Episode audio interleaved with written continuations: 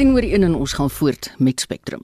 Die weermag se verduideliking oor die verkryging van die middel interferon uit Kuba word uit verskeie oorde bestempel as bizar en absurd.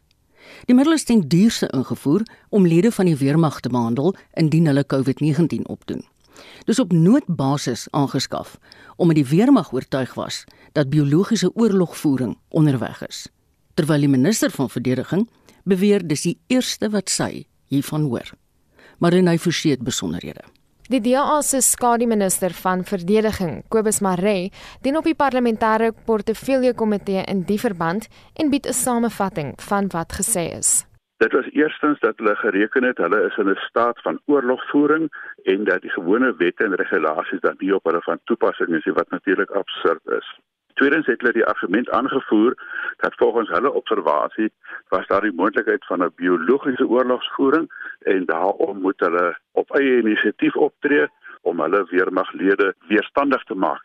Die vinger word intussen gewys na die militêre gesondheidsdiens, maar die komitee byt nie hieraan nie. Dit is 'n besluit geneem deur die bevelsraad sonder dat die geneesheer-generaal, die adjunkgeneesheer-generaal en ook generaal Fort wat by die direktoraat werk van hierdie medisyne dit goedgekeur het en ondersteun het omdat hulle geweet het dit is ongeregistreerde en onwettige medisyne in Suid-Afrika. Drie verskepings ter waarde van 260 miljoen rand is reeds bekom terwyl 'n vierde bestelling van sowat 80 miljoen rand nog uitstaande is. Intussen wag die reguleringsowerheid vir gesondheidsprodukte steeds op die relevante inligting om die middel vir menslike gebruik te toets en die ouditeur-generaal het bevestig dat daar steeds uitstaande dokumentasie is. By die vorige vergadering van die portefeulje komitee was daar baie duidelik opdrag gegee dat al die uitstaande dokumentasie en bewyse moet aan die ouditeur-generaal voorgelê word. Dit is natuurlik nog geïgnoreer en dit is ook nog uitstaande. Die minister van verdediging, Nosiviwe Mapisa Ngakula, sê intussen dis die eerste keer dat sy hoor van biologiese oorlogvoering. Dit lyk asof hulle 'n eenvoudige besluit geneem het. Hulle is bo die wet verhewe en dis hoekom hulle ook die invoer van die medisyne onder dokumentasie gesit het wat nie verklaar het dat dit wel medisyne is nie en hulle het dit deel gemaak van projek Tusano wat die ooreenkoms met die Kubaanse regering is waar volgens veral in meestal voertuie van die weermag erwin sou geword het. So dit is totaal en alle onwettige optrede gewees wat eintlik skrikwekkend is. Hoewel die minister as moederlik bestempel word, sê Maree dit kom voor asof sy nie beheer het oor die weermag generaals nie. Heel moontlik weens ouderwetse Mkonto Wesizwe range wat steeds op informele basis geld. Einde van Januarie het sy aangekondig sy gaan 'n onafhanklike kommissie aanstel van 3 persone om hierdie hele saak van die medisyne invoer te ondersoek. Ter 11de ure was daai media sessie gekanselleer en 'n dag en twee daarna het die weermag generale staf met hulle eie verklaring uitgekom. Dis nou al 3 weke later en daar's nou nog steeds niks gedoen nie. Maar wie moet aan die pen ry? Marese is onder twyfel dat die bevelsraad die besluit geneem het. Aanvanklik was die geneesheer-generaal deel van die heel eerste vergaderings rondom dit. Daarna weet ons was hy siek geweest en het sy adjunk dit bygewoon en toe dit gekom het by die finale besluit en ook die aanvaarding van aanspreeklikheid en verantwoordelikheid het beide hy as ook generaal Fort dit nie ondersteun nie omdat hulle op daai stadium geweet het dis ongeregistreerde en dis onwettige medisyne. So iewers gaan iemand moet verantwoordelik gehou word. Ek is net bekommerd dat dit wel nie die generaals gaan wees wat lede is van die militêre bevelsraad nie, maar iemand in die Suid-Afrikaanse militêre geneeskundige dienste gaan wees. Die geneesheer-generaal verskyn na verwagting binne die volgende 2 weke voor die komitee om sy kant van die saak te stel. Daar is sekere absolute noodsaaklike en strategiese toerusting wat ons nie kry in die weermag nie as gevolg van die sny in die begroting en ons weet ook daar is 'n probleem met die koste van personeel en dan natuurlik opleiding van ons soldaat. So 260 miljoen of 'n moontlike 320 miljoen sou geweldig baie kon beteken het. Ons sit met een militêre hospitaal wat nie klaarkom nie. Ons sit met 'n onderbenutte twee militêre en drie militêre hospitaal omdat daar nie toerusting en mense is nie. Dit was die DEA se skademinister van verdediging Kobus Maree. Marlene Forsie, SAK nuus. Die Suid-Afrikaanse Nasionale Weermag Unie se woordvoerder, Pikkie Greef, het intussen aan Marlene gesê, die weermag probeer die regering 'n rad voor die oë draai. Daar was nog nooit 'n biologiese oorlogvoeringsdreigement nie. Geen ander land in die wêreld het dit so gesien nie en en mens moet die vraag vra, waarom indien 'n transaksie 'n geldige transaksie is, moet 'n mens probeer om die rede of die betaling daarvan te verdoesel as iets wat dit nie is nie. En dit is baie duidelik dat die betrokke amptenaar van die weermag wat dit vir die parlement gesê het dat daar hulle gedink het daar's biologiese oorlogvoering het die parlement mislei En die vraag is natuurlik, het hy dit uit sy eie uitgedoen of is hy daarin gestuur met opdrag om die parlement te mislei? Hy sê dis heel moontlik dat ons weer gaan sien dat diegene laer af in die weermag aan die pen gaan ry in plaas van die militêre bevelsraad. Ek dink nou maar byvoorbeeld aan die amptenaar wat parlement toe gestuur is om die belaglike stellings te maak en dan natuurlik moet ons ook kyk na mense laer af in die bestuursketting wat gedwing is om hierdie middel wat eerstens onwettig hierdie land binne gekom het en dan gestoor is in 'n fasiliteit wat nie gelisensieerd is om daardie medisyne te stoor nie. Die mense wat in beheer van daardie stoorfasiliteite is en die mense wat in beheer was van daardie vlugte en die hantering van daardie vlugte is natuurlik middelbestuurmense en ons het definitiewe risiko dat daar nou weer iemand onder die bus ingegooi gaan word soos met die Gupta landing. Greef is bekommerd oor die vloei van besigheid tussen die Suid-Afrikaanse nasionale weermag en Kuba. Ons sien dit met ingenieurs wat ingebring word in die land om aan militêre voertuie te werk. Ons sien dit met 'n aanhoudende opleiding van dokters, studente wat Kuba toe gestuur word om te studeer by ongeakkrediteerde instellings wat nie in Suid-Afrika erken word vir hulle mediese grade nie. En so wat 'n jaar en 'n half gelede is daar uitvoere gedoen na Kiba met simulators vir gevegsvoertuie wat totaal onwettig was. Uh daar is uh, hierdie aanhoudende skakel tussen iemand in die topstruktuur van die weermag se bestuur en die Kubaanse regering. En uh, dit is gemeensaak dat die Kubaanse regering bestaan uit sewe korporasies wat almal Switserse bankrekeninge het wat behoort aan die Castro regering Volgens hom is daar 'n slang in die gras en gaan die Unie binnekort begin stappe neem om 'n wettige aansoek aan die weermag te rig ten einde pertinente vrae te rig. Hy sê die minister en die president moet aanspreeklik gehou word. Daar is net 4 poorte van ingang in Suid-Afrika waar medisyne ingevoer mag word. En hierdie spesifieke medisyne het saam met 'n vlug ingekom wat saam met 'n klomp Kubaanse tegnisie hier aangekom het. Nou, ons is op hierdie stadium nie duidelik of die vlug die besending op Waterkloof geland het en of dit in Johannesburg by by Ouer Tambo internasionaal geland het nie. As medisyne inkom, is daar spesifieke mense, douane en aksies in die departement gesondheid wat moet bevestig dat dit is die medisyne en dit moet reg verpak wees, dit moet in die regte toestand wees en dan word daar 'n permit gegee dat dit mag inkom. So vir die goed om net in die land op te eindig en dan skielik in 'n weermagstoor te lê, is hoogs onreëlmatig. Dit was Bekkie Greef, die Suid-Afrikaanse Nasionale Weermag Unie se woordvoerder. Marlene Forsie is ikonies. Die kommissie van ondersoek na staatskaping het vandag getuienis aangehoor van die voormalige minister van vervoer, Depieu Peters. Estie de Klerk doen verslag. Advokaat was Sony wat die getuienis lei het aan die kommissie gesê Pieter sal hoofsaaklik oor vier kwessies getuig. The meeting on the 20th of August 2015 that Mr Molefe refers to at the presidential guest house. Then there are three related issues and related because Mr Molefe says that they are probably related.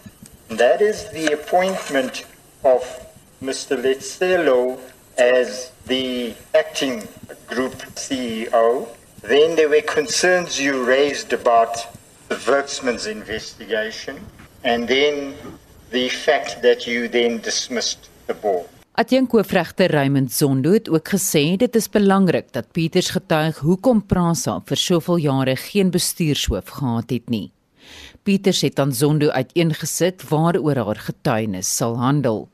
I was deployed to Prasa by former President Zuma on the 9th of July 2013 and I had the opportunity to appraise myself with the workings of all the entities, 12 of them and two councils. The one is called the Licensing Council and the regulating councils that deals with aviation. PRASA, being as big as it is, was one of the biggest actually because of the importance of the service that it was providing to the people of South Africa. Pieter sê dit was vir haar belangrik dat die hele vervoerfamilie moes saamwerk. Sy het gesê sy wil dit baie duidelik maak dat sy haarself nooit skuldig gemaak het aan enige staatskaping nie en dat sy nooit enige tenders op 'n onwettige manier goedgekeur het nie ongeag of sy deur Eskom se voormalige bestuurshoof Brian Molefe en Prasa se voormalige bestuurshoof Lucky Montana geïmpliseer word. I wish to emphatically deny that I was used by anybody to aid state capture in general and with specific reference Prasa. You say I was never involved myself in the award of tenders. And at paragraph 6.6, you say I never protected or sought to protect anyone accused of wrongdoing from the rule of law or any other applicable process. That is your position. That is and, my and that's what you've come to say to the chairperson. Yes, Chairperson, that is my position. Ms. Peters, I just want to ask you you are saying all of that because you read into what Mr. Molefe said in his affidavit that these are the accusations he made against. Is that I'm just trying to understand why you would say that. I'm saying this because in his affidavit, he does mention individuals, institutions of government that he believes were responsible or were intending to be instruments for state capture. So I want to indicate, and even today here, indicate that I have never been influenced by anybody to be, to either determine tenders. Both Mr. Mulefe and later on probably Mr. Montana would indicate that I have never ever participated in processes, in tenders, in any of their establishments or even in Prasa itself. And Chairperson, I would also want to vouch that the 12 entities that I spoke to can also vouch for that, that it was not my culture, it was not my style of work. And fortunately for me, as a deployee of the African National Congress, I had an opportunity to be deployed in various areas of responsibility, Chairperson. And anyway, in those areas of uh, responsibility, I've never been a person that determines because it was the ANC government that consciously resolved that politicians should not participate in tender processes. So why would I, being a politician, want to be in that particular space? But also, Chairperson, if I, as a politician, participate in tendering processes, if there are any comebacks, what recourse would those who are aggrieved have if I have already been implicated or if I have already ingemeng in die hele storie in. Kort voor middagete het Pieter se getuienis steeds voortgeduur. Ek is Estie de Klerk vir SAK nuus.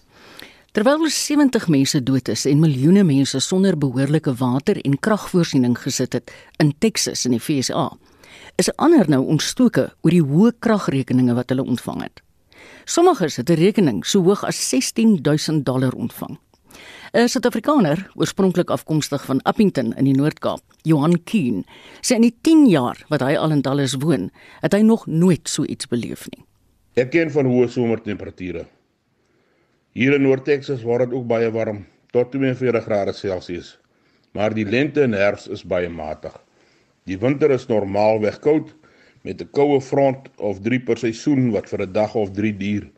Gewoonlik kry ons 'n bietjie koue reën wat ys met 3 of 4 cm sneeu wat gou weer wegsmelt. Die afgelope 2 weke was egter 'n heel ander storie. In die eerste week het die kook geval na -4 tot -6 grade vroegoggend met 'n maksimum dag temperatuur van -2 tot 0 grade Celsius. Dit was net die eerste week vanaf maandag die 8de Februarie.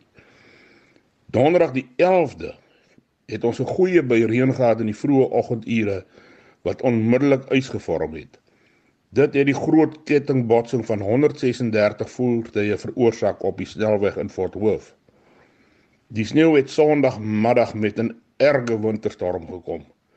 Dit het vir die koudste temperature gesorg wat nog ooit hier aangeteken is. Byvoorbeeld Maandag die 15de Februarie was die minimum minus 14 grade Celsius en die maksimum was minus 10 grade Celsius. Met die wind daarby was die aanvoelbare temperatuur minus 30 grade Celsius. Die langdurige lae temperatuur het die natuurlike gaspypleidings na verskeie kragstasies gevries en die 40% van Texas se kragstasies het tot stilstand gekom. Grootskaalse kragonderbrekings veroorsaak het vir tot 4 dae in sommige plekke. Sonder krag beteken sonder hitte en dan vries waterpype in die mure en die plafonne. Groot waterskade is dus wyd veroorsaak as gevolg van pype wat bars. Baie mense se swembaddens het gevries en al die swembadpype en filters het gebars. Die suidelike dele van Amerika, soos hier in Texas, word huise anders gebou as in die noordelike koue dele van die land. So Texas is nie regtig voorberei vir langdurige minustemperature nie. Hierdie was maar die derde keer in die afgelope 10 jaar wat dit gesneeu het. Die vorige twee kere was dit digte sneeu wat dieselfde dag weer gesmelt het. Groot koue was oor die hele staat tot by die Golf van Mexico, net suid van Houston, met sneeu op die strande. Die onnatuurlike koue het die bedreigde groen seeskilpaaie in 'n koue stres laat gaan en hulle kon nie beweeg nie.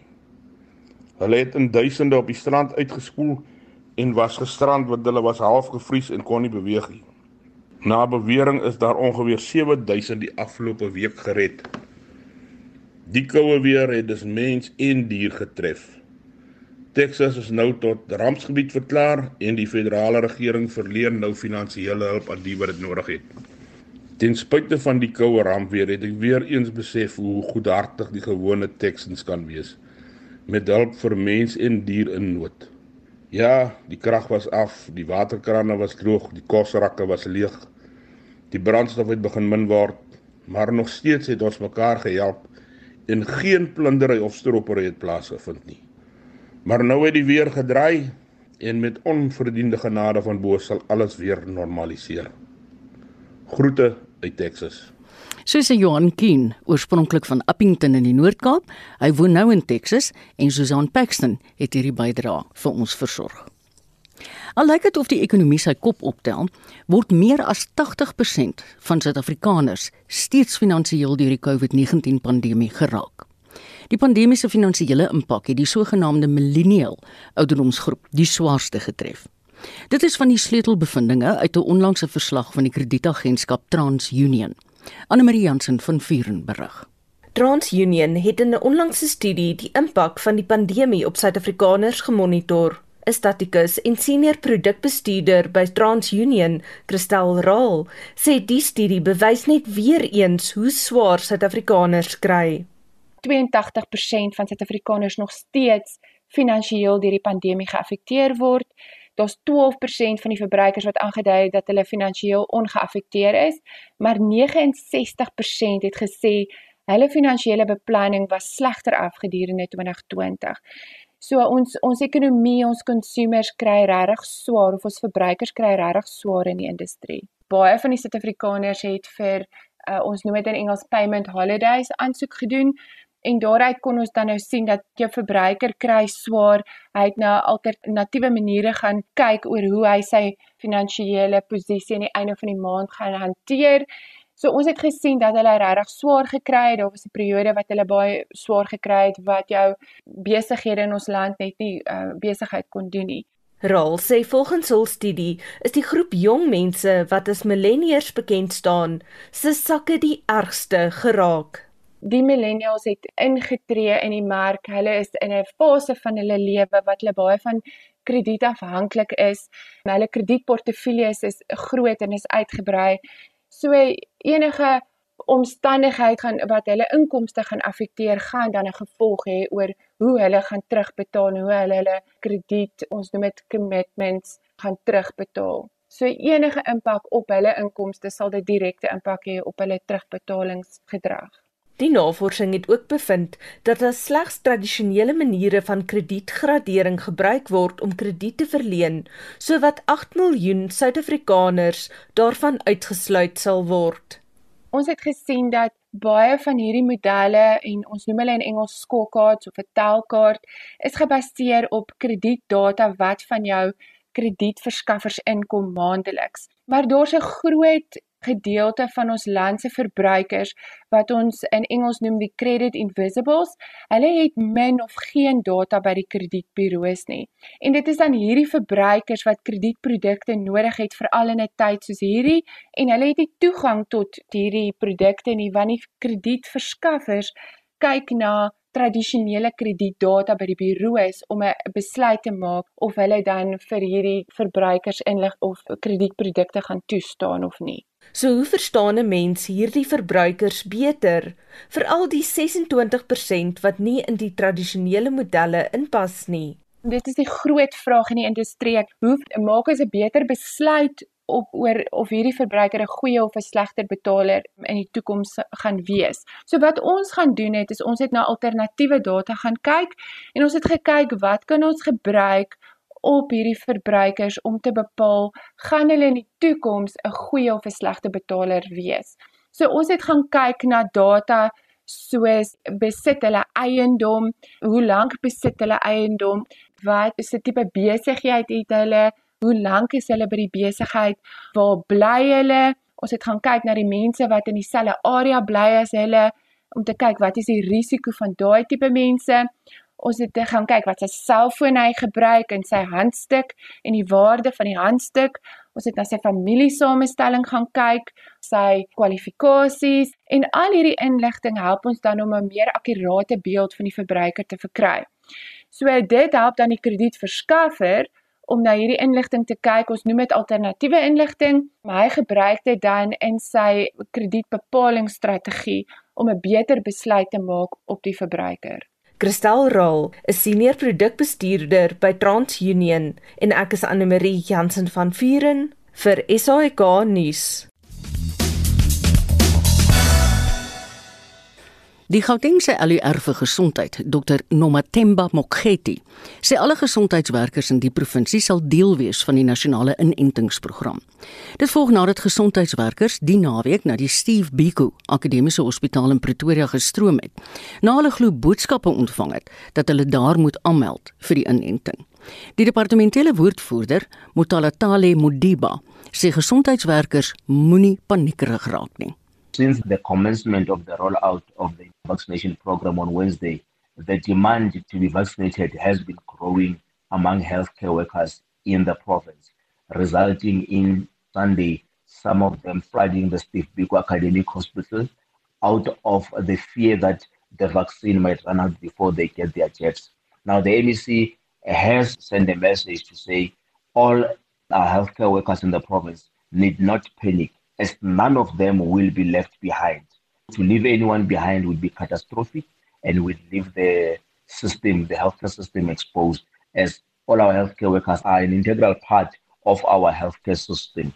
So it's quite important that we send that reassuring message that there's no one who's going to be left behind. It's just that the rollout now is being done in phases. In this first phase, it is the patient facing healthcare workers that have been prioritized Gauteng has received about 16,800 Johnson & Johnson doses, which are being administered currently at the Chris Hani Barakwana Academic Hospital, which has received 11,080 doses, and also the Steve Biko Academic Hospital, which has received 5,720 doses.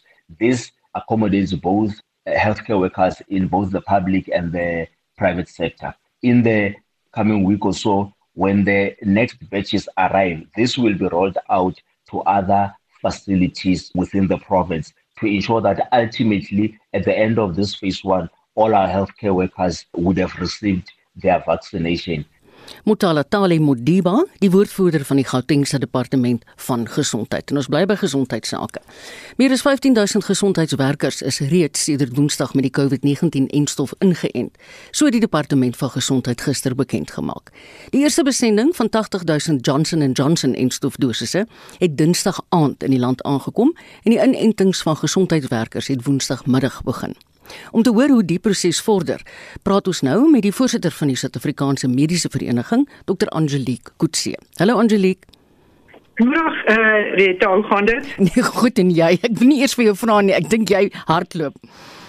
Ek sê jou, uh, jy moet nou dit al begin 'n uh, uh, klein dingetjie soek wat ek kon sweer ek het in my selfoon gesit en ek het nie, dan moet jy weet dit gaan baie sleg. Ekskuus hoor. Hoe vorder hierdie inentingsproses? Verloop alles volgens plan?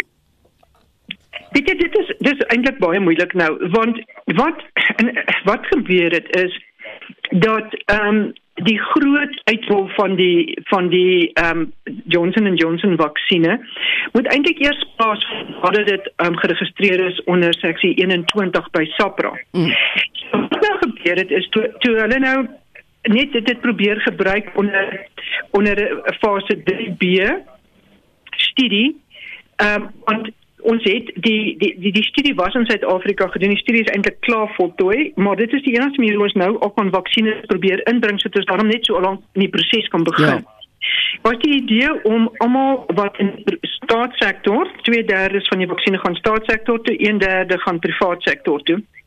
Maar die 2/3 uh, vir die vir die staatssektor was nou om almal wat direk met pasiënte werk. Met mm. ander woorde, jy sit elke dag met jou gesig by die gesig van die pasiënt as ek dit nou so mm, kan sê mm. want dit lyk my hierdie is 'n baie moeilike begrip. Ehm um, so om hulle dan nou net aan die gang intussen te kry en dan is daar gevra onder dan minder as 10000 algemene praktisyns in Nederland is. Is daar toe gevra kan ons hulle nie in in hierdie groep insit? O ja op Saterdag of op Sondag nie. En daar's nou besluit, kom ons sit op Sondag. Dit is so klein getal. Mm ehm um, dat dit in fase dat dit in hierdie fase wat ons nou vir die volgende 2 weke het nie 'n hengse groot verskil gaan maak nie. En aanvanklik wou die die die, die hospitaalvereniging nie gehad het dat hulle pasiënte of hulle werkers na die staatshospitaal toe moet gaan nie, maar toe almal nou hoor dat daar's nou 'n vergunning gedoen Mm. Net vir die volgende 2 weke om die algemene praktisyns wat eintlik almal elke dag direk met pasiënte werk om hulle dan net saam met hierdie groep in te gooi. Was die gordgaar en uh, groot drama gewees en daar's toe nou besluit dat ehm um, uh uh uh van hierdie vaksines gaan nou dan ook nou vir die, die private sektor vir die hospitaalgroepe en almal gegee word en die die aanvanklik wat Swanie se wat Steve Biko aanbetref sou dit vir daai groep mense eintlik net op Saterdag plaasgevind en dan die mm. algemene praktisyns op So nodeloos om te sê dit het nie so gebeur nie en sonoggend teen 10:00 het ek ek het eintlik om 9:00 my my, my benoude oproep gekry asseblief kom kom kyk net wat kan ons doen hier Steve Biko. Dis chaos. Op daardie stad is al oor 2000 mense en daar is net voorsiening gemaak vir daai spesifieke dag vir so 250 minder as 300 algemene praktisyns wat wat op spesifieke tyd tyd glewe. Mm. Ehm um, weet 'n uh, eh, eh, aansoek weet of of of geboek is. Ja. En en die res sou nou nog van die staatse mense gewees het. So maar ehm um, en en so as jy nou mooi gaan kyk ehm um, da, dan sou daar want as genoeg vaksines ingebring vir vir ja. vir 200 mense. So toe was dit almal dit dit die ander hospitaalgroepe se mense is daar ehm um, enige iemand wat met 'n pasiënt werk het daar opgedag op die ou einde teen 11 uur moes ons 'n besluit neem en gesê dan net die eerste 1200 mense toelaat. Ehm um, want jy kan net uh, op daai stadium kon hulle net 100 per uur gevaksinereer het of ingeënt het. Mm. Ehm um, en ek bedoel eh, die die getalle het dit net nie toegelaat dat ons hierdie ouens vir ure en ure en ja. ure bly moet laat staan nie. Onthou hierdie word ook mense staan baie na mekaar. Ja. Kan net sowel 'n super spreading event word. Mm. So ons moes vir die ouens gesê asseblief gaan huis toe. Um, kom ons probeer weer hierdie naweek. En um, dit was eintlik baie baie sleg geweest. 'n Klomp van hierdie algemene praktisyns uit die 300 plus of eintlik bietjie net so bietjie onder die 300 is nie eers geïmmuniseer op die einde van die dag nie. Ons moes hulle laat teruggaan het en en, en dit is baie moeilik as sulke ja. goed gebeur. Ehm um, so ons het nou baie lesse hier geleer. So wat ek ek vermoed wat ons gister gesien het is eintlik wat ook gaan gebeur as ons dan die publiek inbring. Dat daar is ja. ons uit die chaos uit gaan ons terug na die ehm um, maar ek op agterste kamers toe waar ons nou maar weer gaan plan en raam en hoe gaan ons mm. uit hierdie uitkom. Angelique is die twee hospitale wat per provinsie geïdentifiseer is in hierdie stadium genoeg. Nee, maar dis net vir 2 weke. Dis 'n probleem. Dis okay. nie vir dis net totdat hy geregistreer die die die die, die dik geregistreer dan gaan al die ander hospitale en klinieke dit ook kry.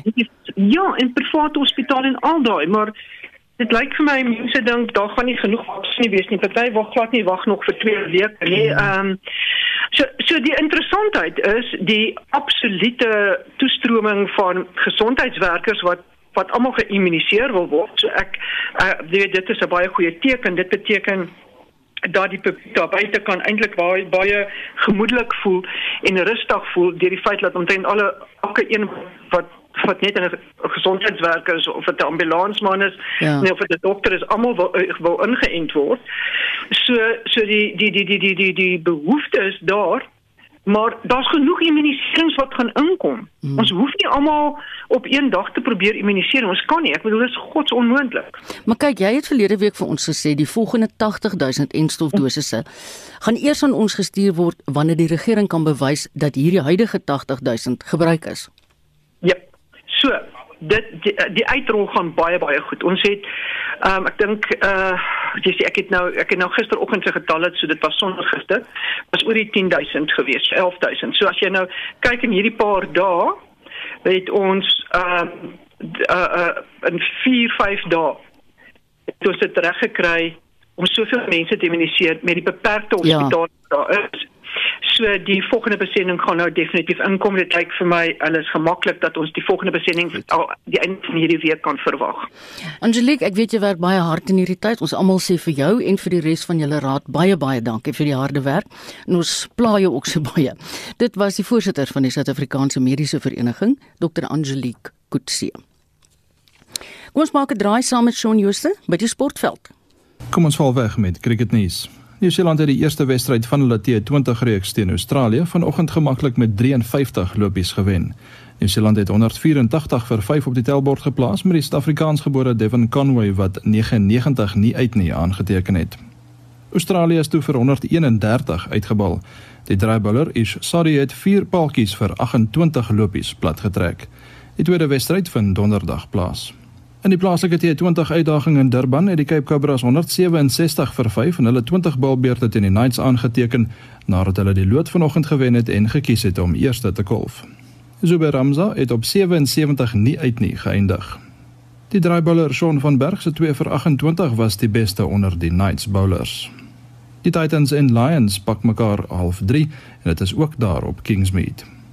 Op die tennisbaan het Suid-Afrika se Lloyd Harris sy eerste ronde wedstryd by die Ope in Singapore met 1-6, 6-3 en 6-4 teen die wêreldnommer 423 Adrian Andre van Bulgarië verloor. En laastens in sokkernuus, in die Engelse Premier Liga takel Brighton en Hove Albion en Crystal Palace mekaar vanaand 10:00. Soos is Jon Jooste, hy's van RSG Sport. Die 2020 matriekeindeksamense se uitslae word vanmiddag om 4uur bekend gestel. Die uitslae van die openbare skole gaan na verwagting heelwat laer wees as die van die private sektor. Vir meer hieroor praat ons nou met professor Michael Lekordeer. Michael is die hoof van die departement kurrikulumstudies aan die Universiteit Stellenbosch fakulteit opvoedkunde. Goeiemôre Michael. Goeiemiddag Marieta en dankie vir die geleentheid. Ja, dis altyd goed om met jou te gesels want jy weet wat ja. aangaan. Ek wil by jou weet, stem jy saam met die verwagtinge dat die uitslae van die openbare skole laer gaan wees as die van die private skole? Ja, maar ek ek, uh, ek kan nie anders as om saam te stem nie.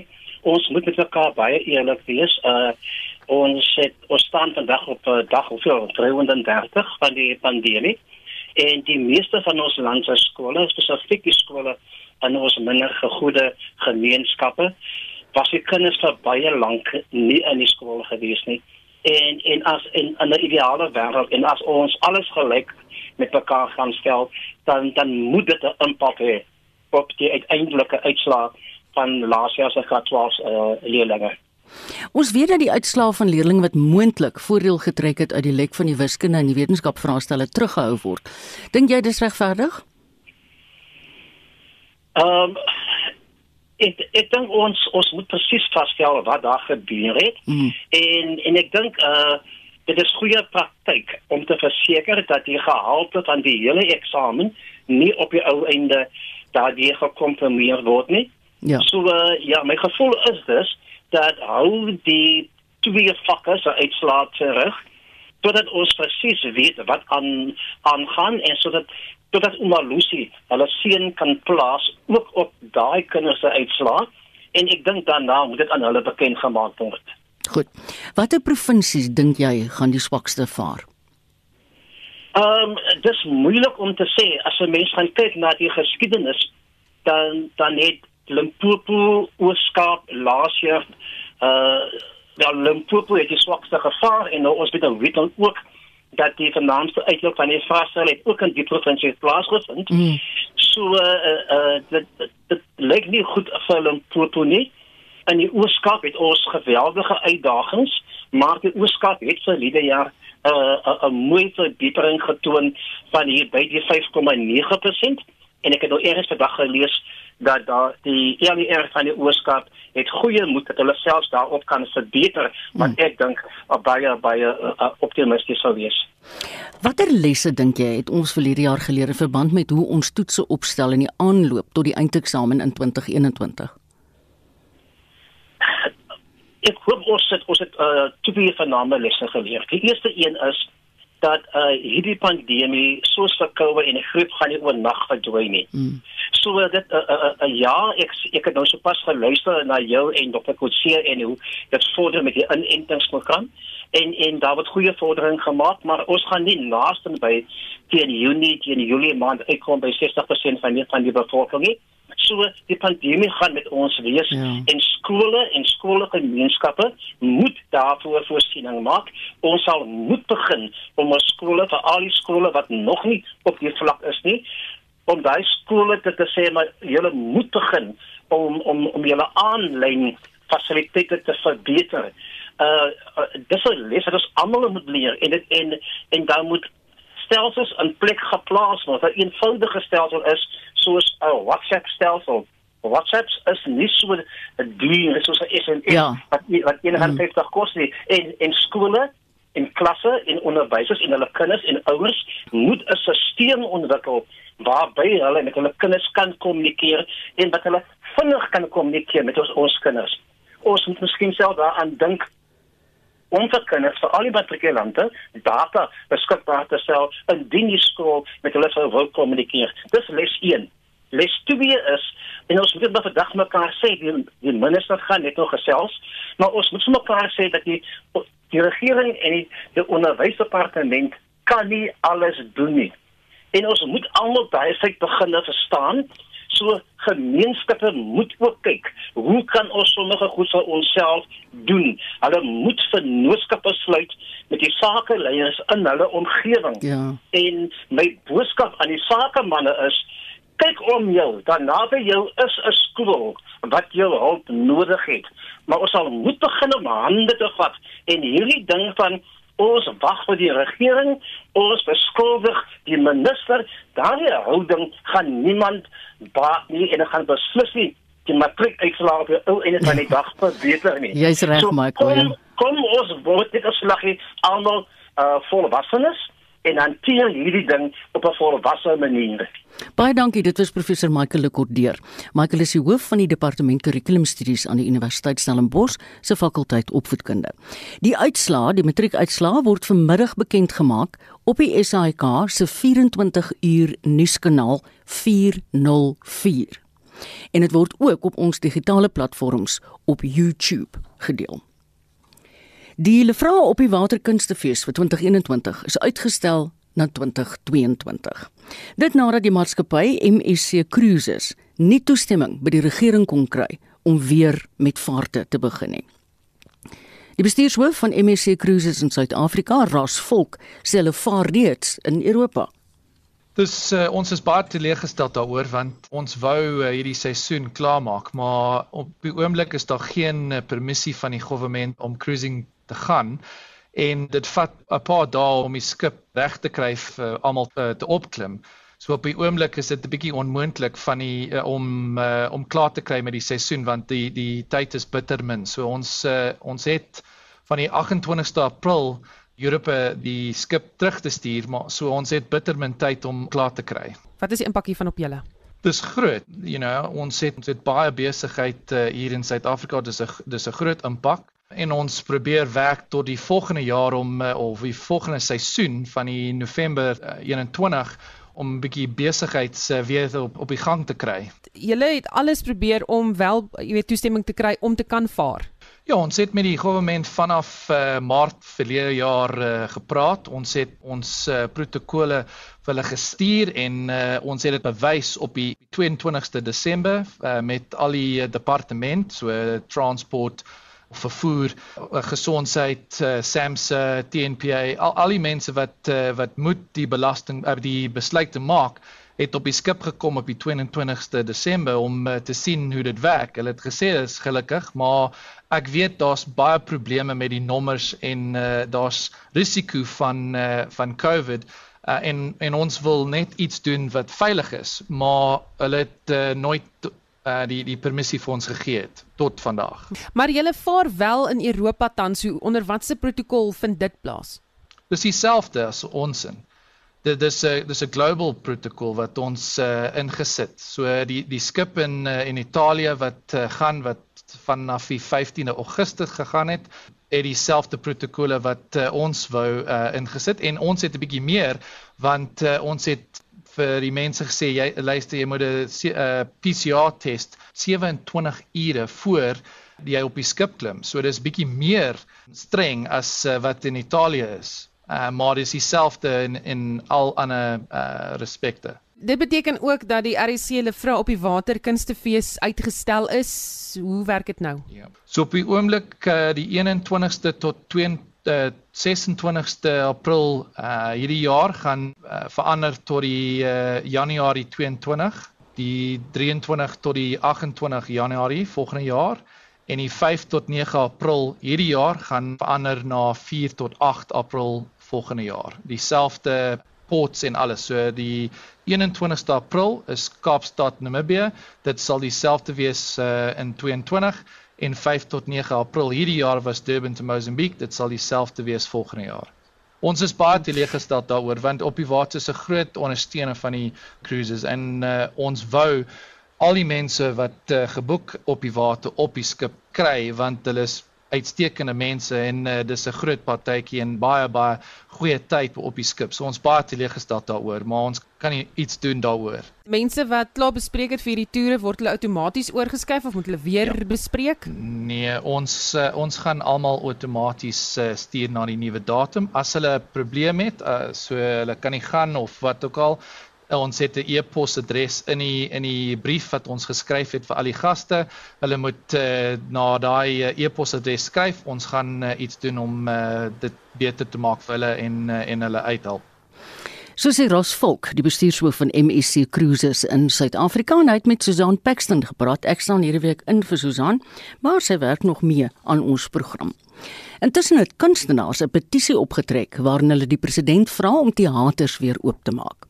Frans Swart van Lefra Produksies sê hulle sien geen rede meer hoekom teaters nie kan oopmaak nie.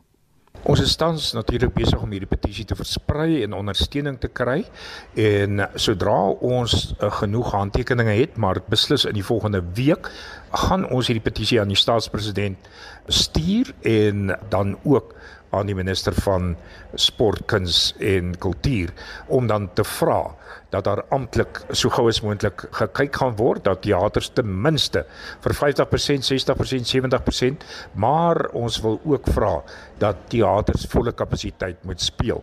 Ons sien die syfers is uh, afneem en soos ek vroeër gesê het, mense in die teaterwese is baie verantwoordelike mense, so ons vra ook dat teaters ten volle kapasiteit kan speel. Indien daar nie gehoor gaan gee word nie, dan beplan ons wel 'n optog. Ons sal detail daaroor verder deurgee, maar ons hoop dat die staatspresident ernstig na hierdie petisie sal kyk omdat soveel mense dit ondersteun. Ons was self baie verras met 3000 handtekeninge binne 3 dae. So daar is definitief vanuit die kunstegemeenskap, die vermaaklikheidswese, maar wat baie belangrik is ook vanuit die gehoorgemeenskap. Mense wat teater ondersteun en mense wat lief is vir teater, wat vra asseblief, ons wil nou uitkom, ons wil gaan teater doen. Ons is bereid om die reëls te volg. Ons wil natuurlik nie COVID hê nie en Uh so ek moet sê uh ons is tans op op 3000 uh handtekeninge en ons sien elke dag is daar omtrent 1000 mense wat hierdie petisie onderteken. Ons gaan dit so week nog oop hou en hoop ons kom by 10000 handtekeninge wat natuurlik die regering moet laat kennis neem dat daar 10000 mense is wat teaters weer oopgestel wil hê. Dit was Frans Swart van Lefra Produksies. Hy het met Susan gesels. Voordat ons groet vanmiddag het ons hier 'n wonderbaarlike storie vir julle. 'n Kunstenaar van Norfolk in Engeland, wie se huis tydens die inperking so vol geraak het omdat sy so baie geskilder het, het dinge oor 'n koppie tee bedink en toe met 'n splinternuwe blinkplan vorendag gekom. Die afgetrede onderwyser, Jan Heath, het begin om gebruikte teesakkies te skilder waarvan sy die teeblare verwyder het. Sy sê die teevlekke voeg 'n baie interessante agtergrond by die skildery by en sy behou ook altyd die teesakkie se etiket en pas dan die skilderytjie se kleure daarbey aan. Hy self is eintlik 'n koffiedrinker, maar het 'n reuse bestelling tee geplaas en haar vriende toe gevra om tee met ongewone tee-etikette vir haar te bære. Sy sê die klein skilderytjies behoort wanneer dit geraam is, net so lank te hou soos enige akriel skildery. Kan jy dit nou glo? Namens ons hele spulletjie hier in die ateljee vandag, ons regisseur was vandag Jean Esterhuizen, ons algemene waarnemende uitvoerende regisseur is Wessel Pretorius. Ons musiekproduksieregisseur Daitrin Godfrey. Ons het baie medewerkers vandag gehad wat hard gewerk het. Dankie aan hulle. Estie de Klerk, Marlenae Forsie en Susan Paxton. Ek is Marieta Kreer. Ek groet jou. Ek hoop jy gaan die res van die middag in RSG se geselskap kuier. Totsiens.